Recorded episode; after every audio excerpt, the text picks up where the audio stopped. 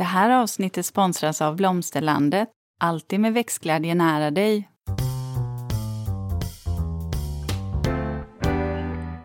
Välkommen till Ulrika och Lindas trädgårdspodd och det är jag som är Linda Kylén, trädgårdsmästare. Och det är jag som är Ulrika Levin, trädgårdsdesigner. I dagens avsnitt, kära lyssnare, ska vi faktiskt prata om spalering av päronträd. Eh, och vi ska också få några eh, sorter som både smakar gott och som lämpar sig för spalering. Och vi kommer ha med oss en gäst som ja, är något av en expert i, inom det här området, Linda. Har du någon relation till spaljering? Ja, jag tycker, jag jobbar med det en hel del. Eh, alltså som ritar in det. Jag tycker de är fantastiska. Och just päron, Linda, är ju eh, det vackraste fruktträdet av dem alla. Jag vet inte om det stämmer, men min mamma säger att eh, äppelträd ser ut som ett äpple, det vill säga runt och klotformat. Mm. Medan ett päronträd ser ut som ett päron, det vill säga lite, lite mer avlångt. Kan det stämma? Jag vet inte, och kan, framförallt när jag tänker på de här lite knotiga träden. Nej, jag skulle nog inte säga att de ser ut så. Jag tänker verkligen på de här storvuxna. Eh, de är ju som riktiga träd och de spalerade träden, ja de har ju de, Ja, de- den formen de den tuktade, ja. har. Men, men jag kan framförallt jag kan framförallt uppskatta blomningen, eh, men också de här, jag tycker de får så vackra stammar, Ja. Och jag önskar, alltså jag tycker också att päronträd ser lite ut som sockerdricketräd. Alltså när päronen kommer, jag tycker de är lite så här- det är, Äppelträd vet vi ju alla hur de ser ut, men Mm. jag, jag blir alltid så överraskad när jag bara, "Åh, men det är ju ett päronträd! De är vackra. Ja, och frukterna är så vackra när de hänger, det är som små buteljer som hänger i Ja, trädet. Och det finns ju en del, alltså, så, alltså färgerna på päronen kan ju vara så olika från grågröna till så här liksom ljusgröna till gula nästan. Och vissa är ju röda. Så jag, jag tycker de är dekorativa, jag tycker också att de är vansinnigt formstarka. Och precis eh, som många av våra fruktträd så är de ju de, bra att beskära. Och det är väl det som jag gillar rent arkitektoniskt, man kan använda dem till mycket. Men du, jag vet att jag har sagt det här förr, men jag påminner om det igen. 20-22 oktober, Linda, då har vi en trädgårdsweekend uppe i Tällberg. Mm. Det blir trädgårdsdesign med dig på lördagen och så blir det trädgårdsskötsel och odling med mig på söndagen. Och dessutom så kommer vi ju umgås hela helgen. Vi kommer äta gott och vi kanske kommer gå ut och ta några promenader ihop och bara ha möjlighet att umgås och prata med er alla härliga, underbara lyssnare. Mm, alla andra är också välkomna. Ja, det är klart! Boka eh, gör ni på Villa Långbergs hemsida. Alternativt eh, går ni in via eh, Ulrika och Linda, vårt Instakonto och vårt Linktree. Där hittar ni också en länk. Det gör ni. Hoppas att vi ses där. Mm. Mm. Men du, ja. eh, fru Kjellén. Fru Kjellén. Vad, Oj, hur, har din, här. Ja. nej, men hur, har din, hur har din vecka varit? Eh, Jo men den har varit, jag har varit på turné. Jag har varit runt och föreläst i, eh, eh, om höstlökar. Så att eh, jag försöker här nu få alla ute i landet att sätta lite narcisser och tulpanlökar i jorden. Så att vi får njuta utav en vårblomning. Alltså hösten är ju inte slutet på, eh, på eh, trädgårdssäsongen utan snarare början på nästa års odlingar. Så därför, ner med dem. Så det har jag varit ute på en sån föreläsningsturné runt omkring, faktiskt i Blomsterlandets butiker. Ja. Ja, eh, och sen så nu håller jag själv på den här veckan och och eh, förbereder inför helgen. För då har vi öppet här på Åsbygård. Vi har öppet på odlingen och det blir självplocket av eh, eh blommor och man kan gå till solroslabyrinten och sen du blev ju lite knockad utav ängen som är här. Du fick sån här nostalgitripp av blåklinten som växer. ja, Ja, Ja. Eh, verkligen. Den, den påminner mycket om min barndom. Jag älskar doften av blåklint. Ja, så nu har jag klippt upp en gång in i ängen och sen så lagt lite halm. För att jag vill att alla som kommer till Åsberg, man ska liksom komma växterna nära och inte så här stå och titta på avstånd utan man måste kliva in i. Men bara för att man inte ska bara kliva rakt in så har jag gjort små slingrande gångar. Jag älskar så här slingrande gångar. Så att det finns också och sen så kanske det börjar och pumpaodlingen börjar väckas till liv. Ja men du ser, jag har ganska fullt upp nere på odlingen med saker att pyssla med. Fattar, Ja. fattar. Det låter som det. Ja. Mm. Ja. ja. Och du då? Eh, nej men det är nya projekt som drar igång, så det har varit uppmätning av tomter. Eh, nu ska jag vara lite överallt. Eh, Stockholm, Lidingö, Nacka, Danderyd. Eh, och sen ska jag i, upp till eh, Fa, eller Falun har jag också ett jobb. Eh, ja, det, jag är lite överallt. Uppsala en hel del. Eh, det blir både trädgård men också en del byggnader faktiskt. Ehm, och sedan så, eh, jo, och så ska jag faktiskt också föreläsa. Jag ska ha en föreläsning för branschorganisationen för eh, trädgårdsdesigners, Ah. trädgårdsarkitekter. Eh, och jag ska ha en inspirationsföreläsning om Tada! Ja, Vad kan det vara? kan det vara. Perenner, Ja. självklart. Eh, så det ska jag prata om eh, imorgon faktiskt. Ah, Ehm, så det ska bli kul, digitalt. Och det digitalt. är bara för medlemmar faktiskt. Mm. Ehm, mm, så det är inte en öppen föreläsning. nej. Men det här är som en öppen föreläsning, våran podd. Ja, det är det. Ja, Mm. Ska vi ringa upp vår gäst? Ja, men det gör vi. Då säger jag hej och välkommen till eh, dig, eh, Sven Plassgård, trädgårdsmästare och pomolog. Tackar. Du Sven, vad är syftet med spaljering av träd? Är det liksom något som är rent så här praktiskt eh, eller alltså yteffektivt eller är det det konstnärliga? Vad, vad anser du eller vad, vad tänker du om det? Ja, det finns ju många fördelar. Både odlingstekniskt och konstnärligt kan man ju säga. Eh, om vi tar odlingsfördelarna först då så eh, om man sätter eh, fruktträdet mot en varm mur eller vägg så får man ju en tidigare skörd än om trädet har stått eh, ute på friland så att säga. Och eh, eh, eh man, alla frukter blir solbelysta, de får mycket färg, eh, det är lättare att plocka frukten och eh, man får ju färre frukter men det är ju kvalitet framför kvantitet. Ett stort träd kanske man inte alltid hinner plocka alla och ta tillvara alla frukter på men ett spaljerat träd har man ju ja, man får en 30, 40, 50 frukter och det kanske räcker. Man hinner kanske inte äta upp mer. Eh, och sen eh, är det ju då ett estetiskt inslag alltså som vittnar om trädgårdsmästarens eh, vad ska säga, kompetens. Eh, det kan också vara en fin rumsbildare i trädgården om man har fristående spaljer istället för häckar eller något annat. Mm. Jag om man tänker sig, ja, har, du, eh, har du några, ritat in och spaljer så här eh, hos dina kunder Ulrika? Ja, många. Jag tycker, det? ja, jag tycker det är ett kanonbra sätt, precis som Sven beskrev. Eh, Det är yteffektivt. Eh, Det kan också vara grymt vackra eh, avdelare, blickfång. Enkelt att jobba med och också det här päron är ju vackra träd. Det ska man komma ihåg. De är väldigt karaktärsfulla Mm. med sina knotiga eh, grenar och sin knotiga stam. Så att jag tycker de är vackra som spaljerade träd. Jag älskar det. Mm. Eh, och som sagt var, framförallt i lite mindre trädgårdar också, så kan det ju vara bra, ett bra sätt att få in fruktträd på faktiskt. Mm. Eh, vare sig det är päron eller äpple. Eller Ja. kanske något mer exotiskt. Eh, vad, vad, har du någon historia alltså, att berätta om eh, eh, spaljering? Liksom? För, för min del så känns det som att det här är något som man har jobbat mycket historiskt, kanske kring gods, eh, herrgårdar, slott, eh, i de franska trädgårdarna kanske.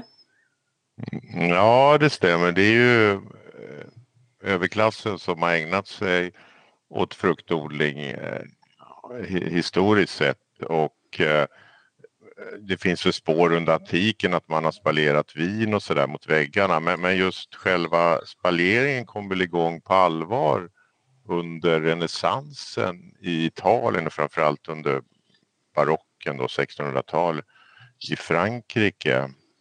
Eh, men i de här trädgårdarna, renässansträdgårdarna runt Florens då i Italien där, där hade man ju då under medeltiden haft sådana här stora träd, eh, 1,80 upp till första grenvåningen och man behövde stegar och klättra på för att skörda frukten och så använde man marken under för eh, bet bete eller odling. Nu blir, eh, drar man ner fruktträdet så att det dels blir tvådimensionellt och har första grenvåningen kanske bara 40-50 centimeter ovan marken och toppar trädet i, i axelhöjd och formar någon, drar ut grenarna och, och, gör någon form av det. Och då kan ju godsherrens fru och döttrar gå och plocka frukterna från marken. Och, eh, det blir någonting estetiskt där. Man, man eh, sätter fruktträd mot murar och ut med gångar och så vidare. Men sen om vi hoppar hundra fram år i tiden, eh, hundra, hundra år längre fram då och eh, på 1600-talet där eh, man tar Versailles som utgångspunkt. Ehm, jag var där, eller har varit där flera gånger. Det finns ju en grönsaksträdgård där som heter Potage de Roi som ligger bredvid Versaillesparken som är, jag tror den är består av 16 olika rum. Den är uppåt på 20 hektar. Som Ludvig den XIV då eh, anlade. Salar? Och, ja, det är jättestort. Alltså det är hundratals spalerade träd på, i alla väderstreck. På alla murar. Höga murar är det, fem meter kanske. Och där är det då, eh, ja naturligtvis vin och eh, persikor och allt möjligt. Men framförallt päron alltså. Här, ehm, jag tror hälften av alla spalerade träd är päron. Alltså här åker de spalerade träden ut från själva prydnadsträdgården, från själva partären i barockanläggningen. Där platsar de inte. Men, men, eh, men här får de vara i, i själva köksträdgården. Då. Och här för man ju spaleringstekniken upp till ytterligare en nivå eh, med massa olika eh, former då. Va? Och eh, eh jag har varit besökt olika spalier, ja. trädgårdar i Paris som har spalerade fruktträd. Och vill man fördjupa sig riktigt i det historiska då det gäller spaleringskonsten så är det en landskapsarkitektskola som ligger i östra Paris någonstans som heter Bröj. Och där, nu var jag där 2009 så att det har säkert hänt mer saker där. Men där höll man på att bygga upp ett museum, um, spaleringsmuseum, mm -hmm. där man byggde olika murar, gjorde olika rum. Så att de här olika spaleringsformerna har ju uppstått under olika århundraden och ibland vet man vem som har gjort det första gången. Det är alltså en kreatör, ett namn på en trädgårdsmästare som har gjort den här formen första gången. Som Palissade Legendre, tror jag det är, 1684 då. Då, då går man in i ett rum med 1600-tals spaljer. Det är ju roligt. Man går in i ett annat, annat rum med 1700-tals spaljer. Har vi några sådana här eh, spa, alltså, typiska spalier eh, för oss här i Sverige som har sagt att ja, det där var en trädgårdsmästare eh, som eh, de, den har en speciell form eller en speciell historia som är värd att bevara? Ja, det finns ju äldre trädgårdar alltså i Sverige, typ eh, Soliden, Sofiero, Fredriksdal där det finns spalerade Eh, fruktträd i ofta i lite äldre då, när de, de har en viss livslängd. Det, när de blir riktigt gamla så brukar de ju hända saker och ting. Det chanserar lite, det dör grenar och eh, Ja, men det... jag vet, vet ingen direkt som är K-märkt i, i Sverige. Alltså. Nej, så vi har inget det liknande. Till, alltså. Nej, Nej. Vi, har inget liknande. Nej. Det tänkte jag faktiskt just på när du sa Sofiero. Jag vet att de har ju eh, en gång med gamla päron som är formade som bågar eh, över gången. Eh, och det, jag, jag, var så fascinerad, jag frågade en av trädgårdsmästarna där, för de är ju nästan ihåliga vissa av pärorna. Så att jag frågade hur, hur länge kan de här stå och när byter man ut dem? Jag fick inget svar, eh, riktigt bra svar där. Jag tror eh, hon inte visste eh, helt enkelt hur successionen såg ut där. Men det var ju ändå fascinerande för att trots att stammen nästan var helt eh, ihålig så var den fortfarande grön. Ja, precis. Jo, jo det finns ju många exempel. Jag har hittat i, i, i Kalmar i privatträdgårdar här och på Öland också där man har eh, de härstammar väl kanske från 40-talet eller 30-talet, riktigt gamla eh, spaljéer. spaljer. Tyvärr ofta förvuxna, att de oftast bara lever lite i toppen sådär, att grenarna längst ner har, har då eh, torkat in. De kanske haft perioder med eh, då ingen har klippt dem årligen och så vidare. Så visst finns det gamla, eh, gamla spaljer i varierande hälsotillstånd. Alltså. Och det ja. hänger väl ihop mm. med som du sa tidigare att det här med spaljéform är ju också ett sätt för trädgårdsmästaren att verkligen kunna eh, briljera, höll jag på att säga, men alltså visa sin kunskap och att att jobba med just spaljering och den typen av beskärning behövs en del Ja, men man behöver ha en tanke kring när man sätter sekatören i de grenarna och vad som man ska behålla och hur man ska bygga upp. Vi kommer ju in på det här alldeles strax om just eh, eh beskärning. Jag bara innan så undrar jag så här, vi, eh, vi hade först tänkt också att vi skulle prata om äpplen men du eh, är mer för päron. Hur kommer det sig? För jag tänker spontant att det finns mer äppelspaljer eller äpplespaljer än päronspaljer. Ja, um vad ska jag säga, eh, päron kräver ju lite mer värme för att utvecklas eh, i stort sett än äpplen. Man kan ju eh, odla päron längre söderut än äpplen eller vid lite varmare klimat. Och vi befinner oss lite på nordgränsen till, till ja, vad man kan odla päron i Sverige. Vi kan ju odla äpplen längre, längre norrut så att säga.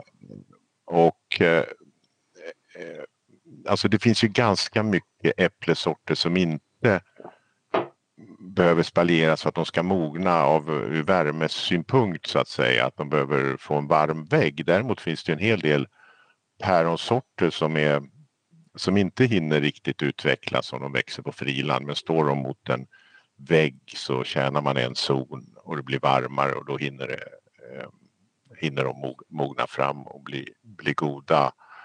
Eh, varför jag fastnade lite för päron, kanske en lång historia, men, men jag är med i en förening som heter Sveriges pomologiska sällskap och då har vi bildat en, då, då är vi ett gäng som har träffats sedan eh, mitten av 1990-talet faktiskt och gjort äppelutställningar och päronutställningar tillsammans.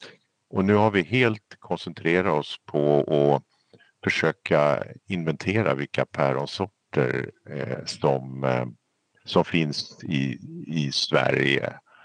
Och eh, det har vi hållit på med i ja, över 20, ja, 25, 25 år och bildat en så kallad päronkommitté. Mm. Och vi publicerar lite skrifter då och då och eh, vi skriver lite artiklar och själv har jag en samling i min trädgård då av jag känner jag måste, för att lära mig sorterna måste jag ha de här utanför dörren. Mm. Alltså, så jag har väl ungefär 150 päronsorter. Nu, nu har inte alla i spaljerad form då, olika former. Nu har inte alla börjat bära frukten men jag har väl en ja, drygt hälften. Jag har 75. Vart är din trädgård? Vad har du för zon? Vart ligger din trädgård? Är den i... Ja, min trädgård ligger i byn Vickleby, en mil söder om brofästet på Öland. Åh, där bodde min pappa i många år. vad kul! Ja, just i Vickleby. Ja. ja. Men ja, det här är några kilometer söder om. Ja, jag vet precis vart så du jag är befinner ju. Jag är i zon 1, eller här är så, ja, det är väldigt skyddat läge. Ibland säger jag att jag är i zon 0. Eh, så att det, jag har goda förutsättningar här tycker jag. Och, och Mörbylångadalens fina jord här. Ja. Så det, här växer det så det knakar. Sven, men om man nu då har ett päronträd eh, och man eh, ska spaliera det. Hur börjar man och vilken typ av träd ska man liksom köpa in när man går till handelsträdgården? Kan man välja vilket som helst eller ska det vara förpreppat så att säga? Ja, om vi börjar med trädet då så tycker jag det är enklast att börja med ett spö. Eller jag tycker nästan det är nödvändigt att man börjar med ett spö, det vill säga det är ett ettårigt träd. I eh, trädgårdsbutikerna säljer man ju vanligen tvååriga träd med en krona då. Och stammen är ju lite tjockare där så att i och med att man måste skära av den eh, Eh, ganska lågt ner så är det bättre, med att, bättre att börja med ett yng, yngre träd då. Um, ett spö är då ett ettårigt träd bara, det är alltså bara en stam upp på 1,30 ungefär. Um, sen hur man spaljerar kan jag återkomma till men, men, men det man första, första man bör tänka på det är ju själva spaljeringsställningen här och dels så kan man ju spaljera då mot en vägg eller mur eller också kan man ha fristående spaljer. Jag, jag har i stort sett bara fristående spaljer. Ehm, och mot en vägg då kan man ju ha ett ribbverk av träribber då som är ja, ungefär 22 gånger 30 millimeter tjocka då. Och då ska det vara lite luft mellan väggen, alltså helst en 15-20 centimeter luft mellan själva väggen och spaljerställningen och sen växer ju det spaljerade päronträdet utanpå eller utanför spaljerställningen. Det ska inte växa på insidan. Mm. Mm, och då är det lite tekniskt hur man gör det då. Va? Ehm, eh, det får man lösa med något järnbeslag som man gör en ställning och fäster de här träribborna på eller något liknande då. Eller jag, fast jag tycker det är lättast att använda galvad ståltråd, 3 mm tjock ungefär. Mm. Som Spänna. vajrar. Mm. I, ja, spä, spänna i våg, vågrät då på Alltså avståndet mellan trådarna är lite beroende av vilken form man vill spaljera på. I böckerna brukar de rekommendera eh, 30-35 centimeter mellan de här trådarna, vågräta trådarna. Men Mm. jag har gått upp på 50 centimeter för att jag ehm, jag vill ha tydliga att man ser tydligt att träet är spaljerat. Alltså Mm. ofta om man har bara 30-35 då, då blir det bara som en grön vägg. Va? Men det, då ser man tydligt, speciellt om man har fristående spaljer och man har vågräta grenar så blir det tydliga eh, luftfönster mellan varje grenvåning. Exakt. Förstår vad jag menar? Exakt. Och där hänger ju de här fina frukterna. Då, va? Och så det- det blir, ja. så kommer det in lite mer ljus bakom också Ja. om man odlar någonting bakom. Precis, och det kan jag också. Här är det ju också en tanke utifrån vad man så att säga, vad syftet med spaljén är. Det kan, det kan ju ha flera, eh, eller den kan ju ha flera syften, men ett, utifrån ett estetiskt perspektiv så håller jag med dig.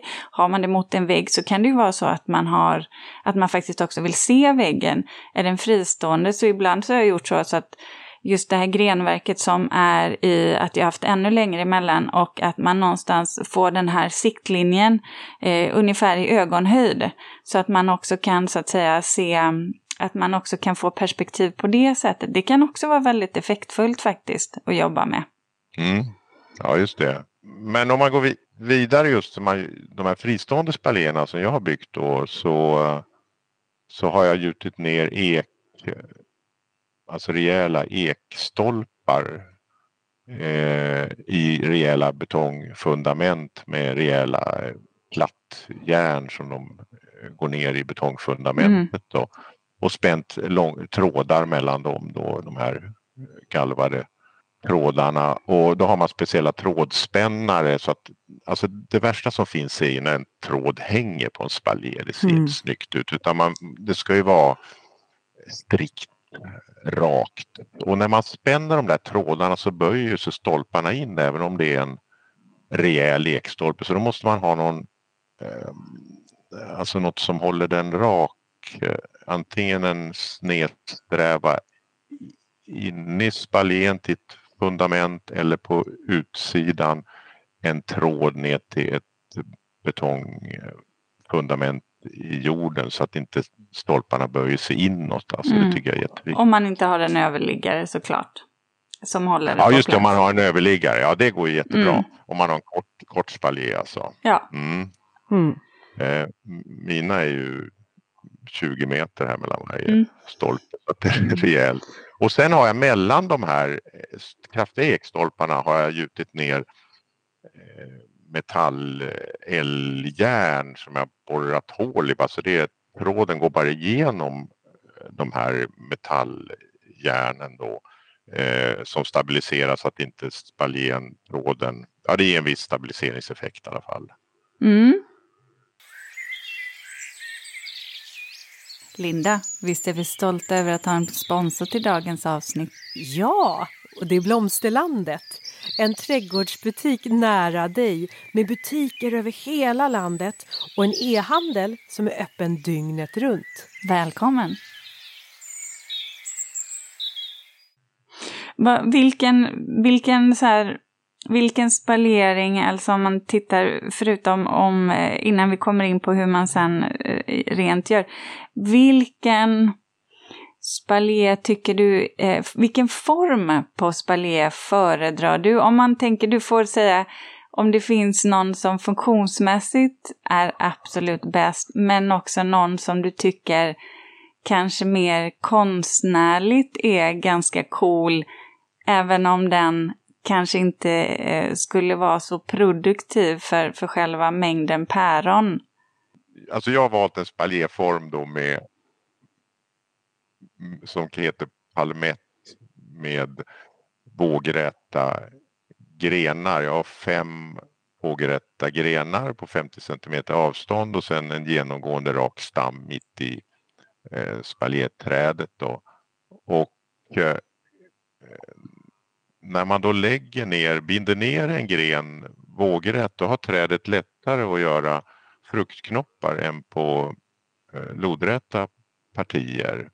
Så att det är lättare att beskärningsmässigt att få frukt på lodräta grenar än på äh, på vågräta grenar än på lodräta grenar. Alltså. Mm.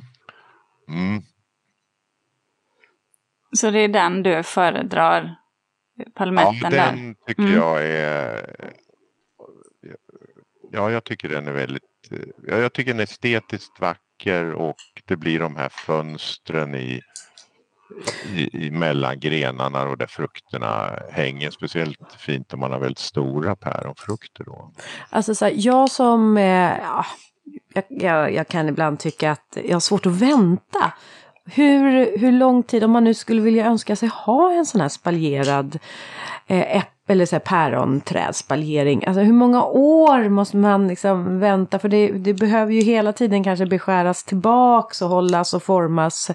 Eh, är det så här eh, 20 år som man behöver hålla på innan man kan få till det där rummets väggar? Eh, nej, det skulle jag inte vilja säga. Nu mina, alltså de är 2,50 höga. Man kanske inte behöver ha fem våningar. Man kan ju nöja sig med mindre. Men i och med att man böjer ner grenar så kommer ju trädet in i fruktifikativ ålder mycket tidigare än ett fristående träd. Så det är också en annan fördel med spaljering att träden kommer fortare in i fruktbärande ålder och gör blomknoppar än om man har ett, ett kronträd som ska växa först vegetativt i 6, 7, 8, kanske till och med 10 eller fler år Så att eh, den här formen som jag har gjort, den var väl färdig på sju, åtta år tror jag. Mm. Med fem våningar. Man gör en, eller en knapp grenvåning per år. Ja. Kan man säga. Men du, om man har ett eh, ungträd då, om man nu har ett alltså träd och inte ett spö som man börjar med, hur går man tillväga där? Ja, då får man vara radikal helt enkelt. Alltså, alltså man får ju ha den där sinnebilden av först hur vill man att den här spaljén ska se ut och den optimala spaljén har ju frukt då från eh, första grenvåningen kan man säga på alla grenar ut och på stammarna upp och så hänger det frukter överallt. Det är väl liksom den optimala bilden man har i huvudet att det inte finns kala partier någonstans där det inte finns några blad eller frukter. Alltså.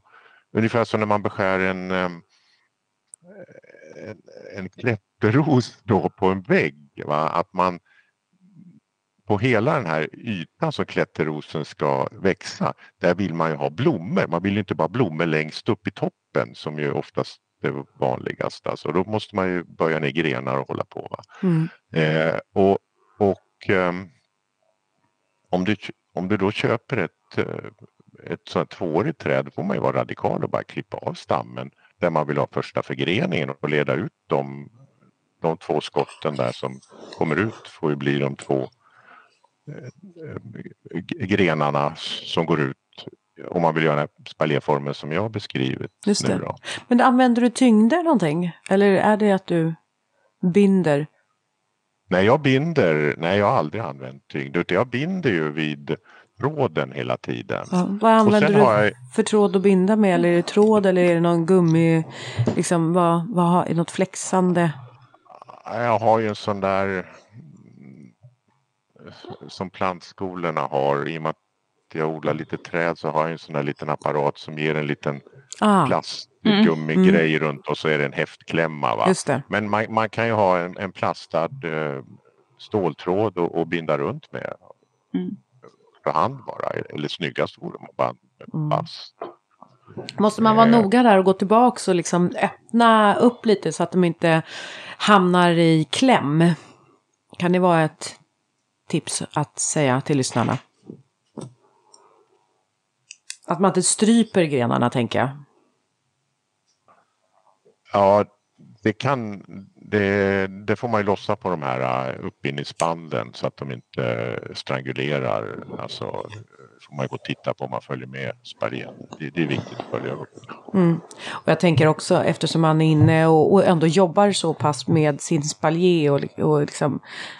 Jag tänkte på det här um, när, när ni pratar om det här med uppbyggnaden och så vidare. Hur ofta ska man, förutom den här eh, uppbindningen eller ned, eh, att binda längs med de vågräta trådarna, vad, alltså hur ofta är man sen inne och beskär eh, ett spaljerat fruktträd och eh, vid vilka tidpunkter skulle du säga är det optimalt att göra det? Ja, man börjar, man, först så är det ju formen man får bestämma. Och eh, jag, eh, det som jag inte har nämnt är att jag fäster en bambupinne med en liten klämma på de här ståltrådarna som jag då leder eh, stammen på trädet ja, binder det vid, vid den här bambupinnen och de bambupinnar är väldigt hållbara. De sitter fortfarande kvar här på de här spaljéerna jag gjorde 2011. Oj. Eh, ja, eh, Eh, Eh, men, men alltså man, man börjar med att toppa det här spöet, man leder ut två, två om man ska göra då en ja, någon form av palmett så leder man ut två grenar åt olika eh, vardera hållet och binder dem allt eftersom de växer på den här eh, ståltråden.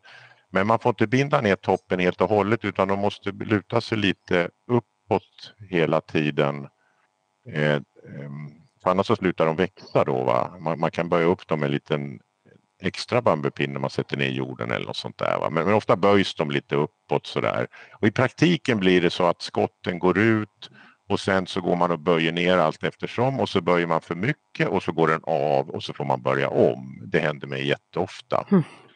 Eh, och så håller man nere mittpartiet på eh, spaljeträdet. Så att de, vill man, alltså skotttoppen på skottet som är längst ut ska ju vara eh, den högsta delen i, i trädet när man bygger upp själva formen då.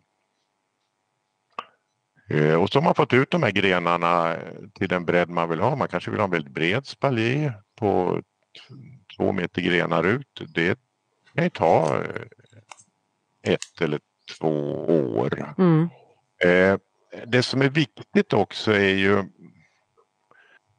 Alltså fruktträd har ju lite olika växer ju lite olika, speciellt om man spaljerar äpplen då så är det ju en del som ofta gör kala partier på, på grenarna.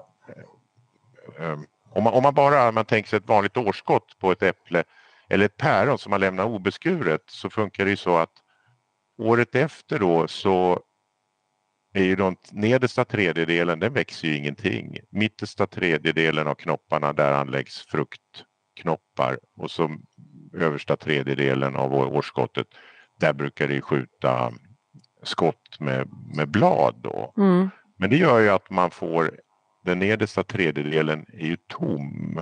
Just det. Eh, får inga fruktknoppar. Och här kommer det här, det här liksom spaljeringstekniken in. Att under sommaren när man bygger upp spaljén då brukar jag låta varje skott på eh, kanske 8-10 blad. Sen skär jag in den över fyra blad. Eh, och det brukar ske ungefär vid midsommarveckan, alltså en liten pincering där med en mm. kniv. Mm. Och sen då så skjuter de översta knopparna ut på det här nya skottet och växer vidare. Så gör man det kanske en gång till. Men det gör då att det blir, det bildas, det blir inga tom, tomma partier på, på grenarna. Eh, speciellt på alltså lodräta grenar är det väldigt det, det är svårt för ut fruktved på lodräta grenar. Det blir ofta tomma partier på dem. Mm. Du, nu sa du pincering. Eh, vill du eh, förklara skillnaden mellan beskära med sekatör och pincera nu som du gjorde med kniv? Vad, vad är skillnaden? Ja, pincering är ju ett sånt här trädgårdsuttryck för eh, att man eh, klipper eller skär av eh, örtartade skott då under vad ska jag säga, växtsäsongen då medans ja, beskärning det är ju mera lite kraftigare sågning och klippning med sekatör mm. eh, när man beskär ett träd. Liksom.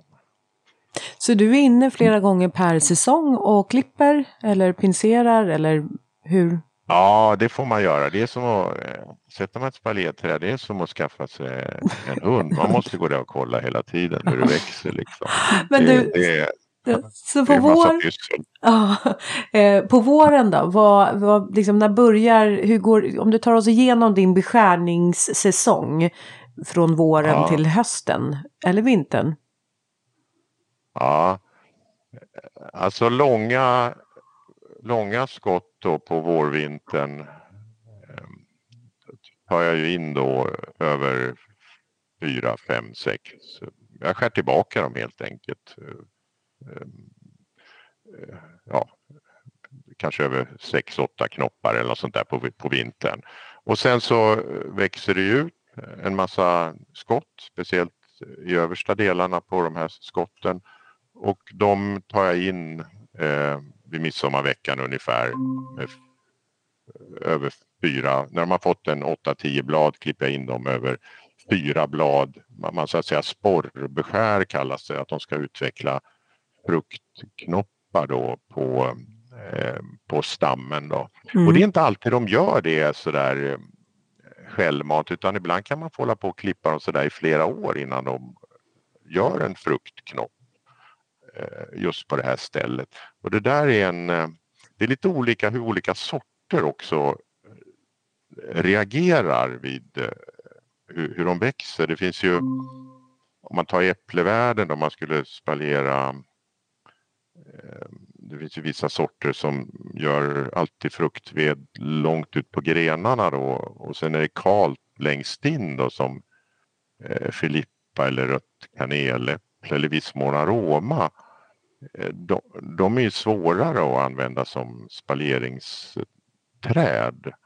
Ehm, däremot i päronvärlden slut på oktober de har den eh, egenskapen att på ett långt skott som kan vara kanske en 80 centimeter långt då nästa år bildar det fruktved ända ner från basen hela vägen upp. Det är sånt där idealiskt dröm spaljépäronsort. Vilken sort var det sa du?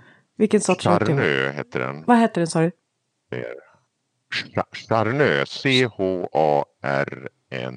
C-H-A-R-N-E-U. Ja, ja.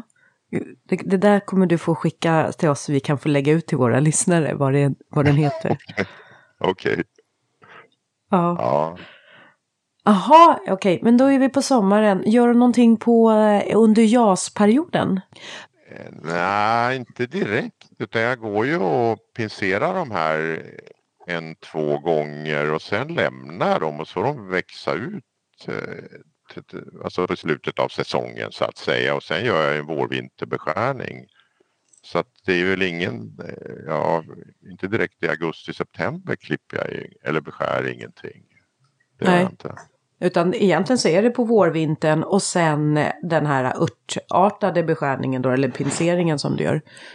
Ja, precis. Mm. Ja, det är det. Mm. Mm. Då, då måste jag ju fråga eh, Sven, om vi ska komma in lite på sorter, eh, vilka sorter lämpar sig väl? Och eh, du får jättegärna rekommendera både kanske lite äldre historiska sorter men också om det är några nya som du har testat och som du har fastnat för.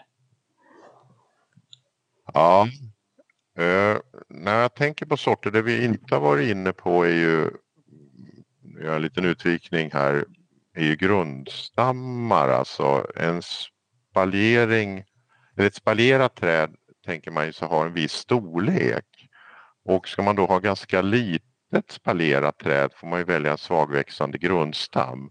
Om vi då pratar päron så är det ju kvitten eller den här nya pyrodwarf. Däremot om man ska ha ett större spaljerträd som ska täcka en stor yta på en vägg som är kanske fyra gånger fem meter, då ska jag välja frö, en frösådd grundstam. Men sen är det också sorterna som ehm, eh, har olika växtkraft och de flesta päronsorter blir ju väldigt, är ju väldigt starkväxande. Men det finns ju några stycken som är lite mindre svagväxande. Och det är ju Williams eh, eller Espens Herre eller eh, Giffard eller Conference är ju en sån här väldigt svagväxande sort. Och Eh, de eh, lämpar sig bättre, ja, blir ju inte så stora och en spaljéträd blir ju inte så stort så att de, de är bra att använda som eh, är lätta att spaljera och kommer fort in i fruktbärande ålder också. Sen finns det andra sorter som blir så gigantiska, gråpäron, ja, Chardonnay som jag nämnt eller ja, olika bergamotter och så här. De, de är ju jättestora. De, där bör man väl välja en mer svagväxande grundstam för att inte de ska dra iväg allt för mycket. Mm. Smakmässigt då Sven, vad, vad har du för topp tre bland dina päron? Gå, ja, just det. Eh, eh, Eh, jag tycker Williams är väldigt god. Den doftar väldigt gott, den är väldigt saftig och har väldigt stark eh, arom. Den mognar ju här på Öland runt eh, 20 september ungefär. Sen är det två andra då som mognar i slutet på oktober här på Öland och då är det som jag nämnt det här Charnö tycker jag är fantastiskt gott päron med en väldigt fin eh, karaktäristisk smak. Eh, en, en, annan sort som, som då anses som världens godaste päron är den här Doyen de Comis som eh, är lite svår för att den ger inte så där jättehöga skördar. Alltså trädet bär alltid sparsmakat med frukt av någon anledning. Eh, men det är ju ett otroligt gott päron med, som är stort och eh, köttet är ju ett, alltså det är riktigt så här smörpäron brukar man ju kalla dem. Mm. Eh, Gud, vad Bör gott det låter. Sven, eh, stort tack för att du delar med dig av din kunskap och den erfarenheten du har av att odla päron i spaljéform. Jag blev väldigt intresserad. Jag ska nog eh, ut och söka mig efter några sorter. Vad sa du du kallade dem för? Smör, vad sa du, smörpäron? Ja, det är ju en sort, smörpäron är ju en sortgrupp. Eh, de har det här prefixet bör, alltså smör på franska. Det är bör gefard, bör amalie, bör anjou och så vidare. Ja. Som har ett så här mjukt, eh, saftigt, eh, ja, smörigt Kött. kött. En, en, eh, en sortgrupp som förädlades fram i Belgien i, runt år 1800. De fanns liksom inte tidigare. Så det finns ju andra grupper då, bergamotter och ehm, ja, sockerpäron och allt vad möjligt vad det är, som har en annan typ av textur och kött då, eh, och som kanske inte är riktigt lika fina. Smörpäron är ju de finaste. Ja, de finaste. Nej, det är helt klart får det bli något smörpäron här på Åsby tror jag. Mm. Ja. Eh, Sven, stort tack för att du ville gästa oss i eh, podden. Tack för att jag fick vara med. Hej då! Hej då! Vad bra Linda. Då Ja. har du eh, fått eh, med dig några päronsorter. Ja, det Du har får jag. googla lite tror jag. Ja, vad sa han? Alltså smör på franska, står det det Mm. på ett sortnamn på päron, då vet man att det är ett riktigt så här Smör. persikopäron typ. Ja. ja. Kanske något som ska ätas snabbt, jag vet inte. Det är ju Nej. det här om man vill lagra eller inte. Nej, just det. Sen vet ni att vi har ju ett eh, avsnitt eh, eh, som vi har sänt tidigare där Leif Blomqvist eh, var med. Där vi pratade om fruktträd för lite kärvare zoner, klimatzoner. Eh, och eh, där nämnde han faktiskt bland annat några päronsorter som han tyckte om. Eh, för de här som jag tror Sven nämnde, smörpärorna, de eh, tror jag inte går särskilt långt upp i landet. Ehm, så att det är ju ett tips. Eh, jag minns inte riktigt vad det avsnittet hette. Nej, men, Men det är ganska nyligen, det är på den här sidan. Vi kan se, vi, jag återkommer om det. Jag, ska, jag kollar upp det medan du pratar om din reflektion, Linda. Ja, jo men du vet vad, jag har en reflektion och du är med i den reflektionen Ulrika. Ja, Ja, det är du. Ah, Eh, där med. Där med, du är så överallt nu. Det är som den här sången som de gjorde om, på, Ja. om mig. På, jag fick en sång när jag fyllde år. Jaha, ja Jag just kan det, ta ja, den sen. Ja, Vi ja, vill bara ha mer av dig. ja. Det stämmer ju då. Nej, Ja. Vet du vad, kör din reflektion så får vi se om, jag, om, det var, om det är bra eller dåligt. Det vet man ju aldrig. Jo men så här, på din födelsedag, alltså som ära till dig Ulrika, så föddes det två små kycklingar här på gården. Tänker jag sig. Ja, så att de, det kanske blir de första små fåglarna som du eh, ändå kan börja närma dig utan att du tycker att de är läskiga. De var väldigt gulliga, Mm. måste jag säga. Ja, i vilket fall som helst, de är inte de första djuren som har fötts här på gården, utan vi har ju haft eh, ett föl som har fötts, vi har haft grisar som har fötts, eh, vi har en liten eh, hundvalp som har kommit hit, det är många nya djur. Och alla de här djuren vill ju jag namnge, de ska ju få namn. Och då hörde jag häromdagen att man tydligen, när det gäller, alltså så här, jag har ju jobbat som flygvärdinna i många år. Nu blir det en annan sidospår men det är egentligen inte, det kopplas samman. Jag har jobbat som flygvärdinna i många år och där satt man ju också och hade positionen där man annonserade. Och eh, när man annonserar, så det här har vi pratat om förut, så även när vi nu poddar, prova att vi provar att vi, eller provar, jag ler ofta när jag pratar för då vet jag att ler jag så låter det också glatt. Och eh, då tänker jag så här, om man nu ler, tänk om man då ger då ett namn till ett djur som får en, eller till en, ett älskat kärt barn också, att le. Och tydligen är det så att eh, flicknamn ofta har haft i i sig för att man ska liksom le när man uttalar dem. Eller också det är man ska ha Lena. Nej men alltså så här eh, Linda, Ulrika, eh, Marie, eh, Viola. Alltså, Sofia, Sofia. Linnea. Ja, Ja. gud, vi kan ju fortsätta Ja rabbla. men alltså hör du att det finns någonting och tydligen eh, så har det tydligen varit så att man har tänkt att nej men åh vi ska ha namn som får oss att vi ler i liksom ansiktsuttrycket. Eh, Men det verkar så konstigt att man bara ska göra det till eh, Ja, men flickor. exakt. Å andra sidan Emil, ett Emil. jättebra ord, Ja. namn. Men det är kanske är därför, för till hundar säger man att man ska ha S i. För att de lyssnar bättre till Ines, Ester, eh, så. Mhm. Men, eh, men tydligen så ska man ha i med också, så här kan man vara lite slug och tänka till då. Eh, eller finurlig ska jag säga, inte slug, men utan finurlig och tänka till att man eh, namnger ja, men, sina kära på ett sätt så att man rör mm, ansiktsuttrycket till ett leende. Fast vet du vad jag tänker på? Om man är för, om man är förbannad, höll jag på att säga, om man är riktigt arg så kan nog det där i bli ett ganska stramt leende. Det kan nog snarare bli som att man bara visar tänderna. Så jag vet det är fasen Linda.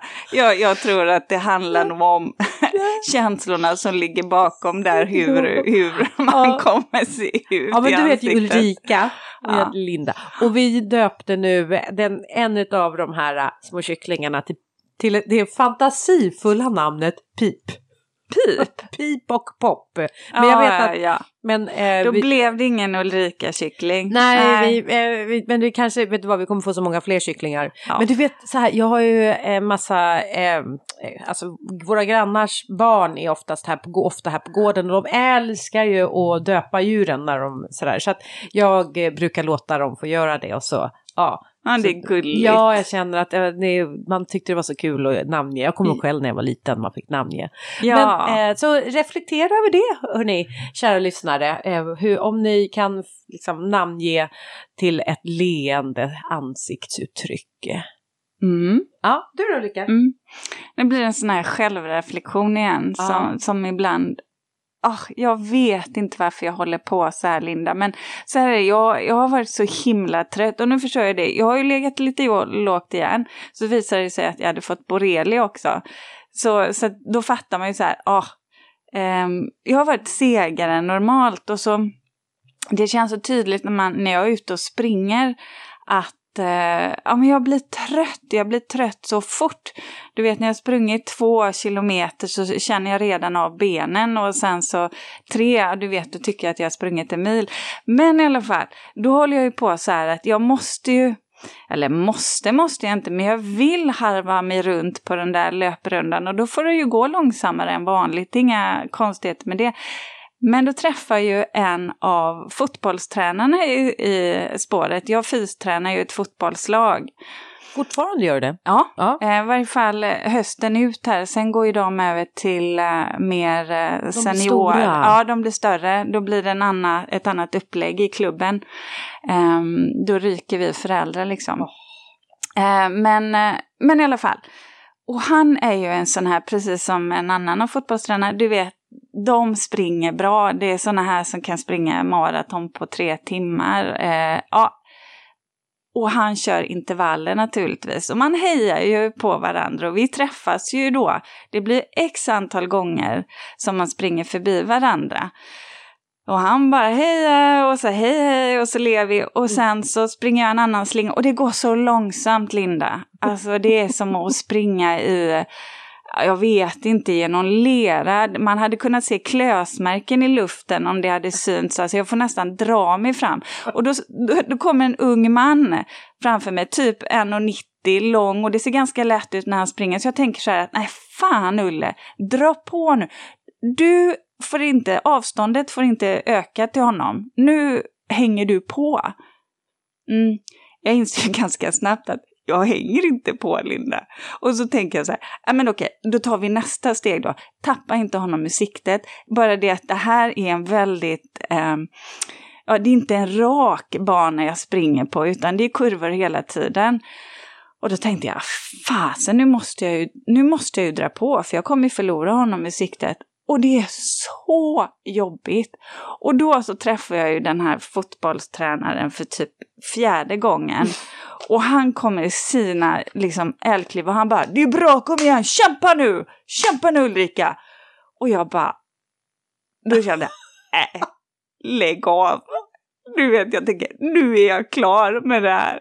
Och sen så saktade jag ner och så sprang jag av den här förbannade löparbanan. och liksom lufsade hem.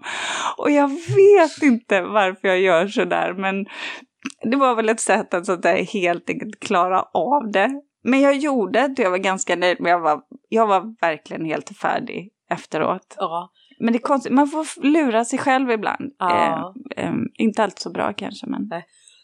ja, nej. Ja, ja, nej, eh, det där med löpning och eh, det, nej, jag, nej, jag, jag har, nej, jag, jag känner eh, eh, inte, jag ska säga att jag inte känner igen mig, men alltså, jag blir, eh, jag blir fascinerad över att du har den, eh, ja men, så här, i, i huvudet, att du eh, Ja men att, jag höll på att säga att du utsätter dig. Ja men vet du vad? Just nu så känns det lite så, för nu är det det är jobbigt när det blir så där tungt. Det är ju aldrig så att jag upplever att löpningen går så här superlätt. Jag är inte någon sån som studsar fram. Det finns ju de eh, löparna som gör det, som tycker att åh, man får någon så här löparhaj. Det får inte jag. Eh, men nu är det så här, det är bedrövligt tungt. Så då krävs det mycket mental kraft. Och då måste man lura Ja, sig som att hänga mental på, ja. hänga på grabbarna. Grabbarna. Ja. Eh, Fast du man kan hänga att- på mig istället. Ja, det Ja. kanske vore Ja, bättre. ja, gör det istället. Du vet, vi går här med skottkärror och vi mockar. Och Det är, vi... lite, det är liksom lågintensiv Ja, träning. Jag Ja. kanske ska skita den där högintensiva ett tag. vet du vad, det är nog det som är mera min grej, det lågintensiva, att man Mm. liksom inte blir så här tvärflåsig och andas, Mm. utan mera liksom, ja man, man knegar på sådär. Ja, Ja, ja, den är det. spännande. Mm. Eh, tack för att ni har lyssnat den här veckan. Vi hörs igen eh, nästa torsdag. Ja, det gör vi. Ha det gott. Jag vet, vi kanske ses i helgen. Ja. Det är öppet här. ja. Ja. Ha det Hej, gott. Hej.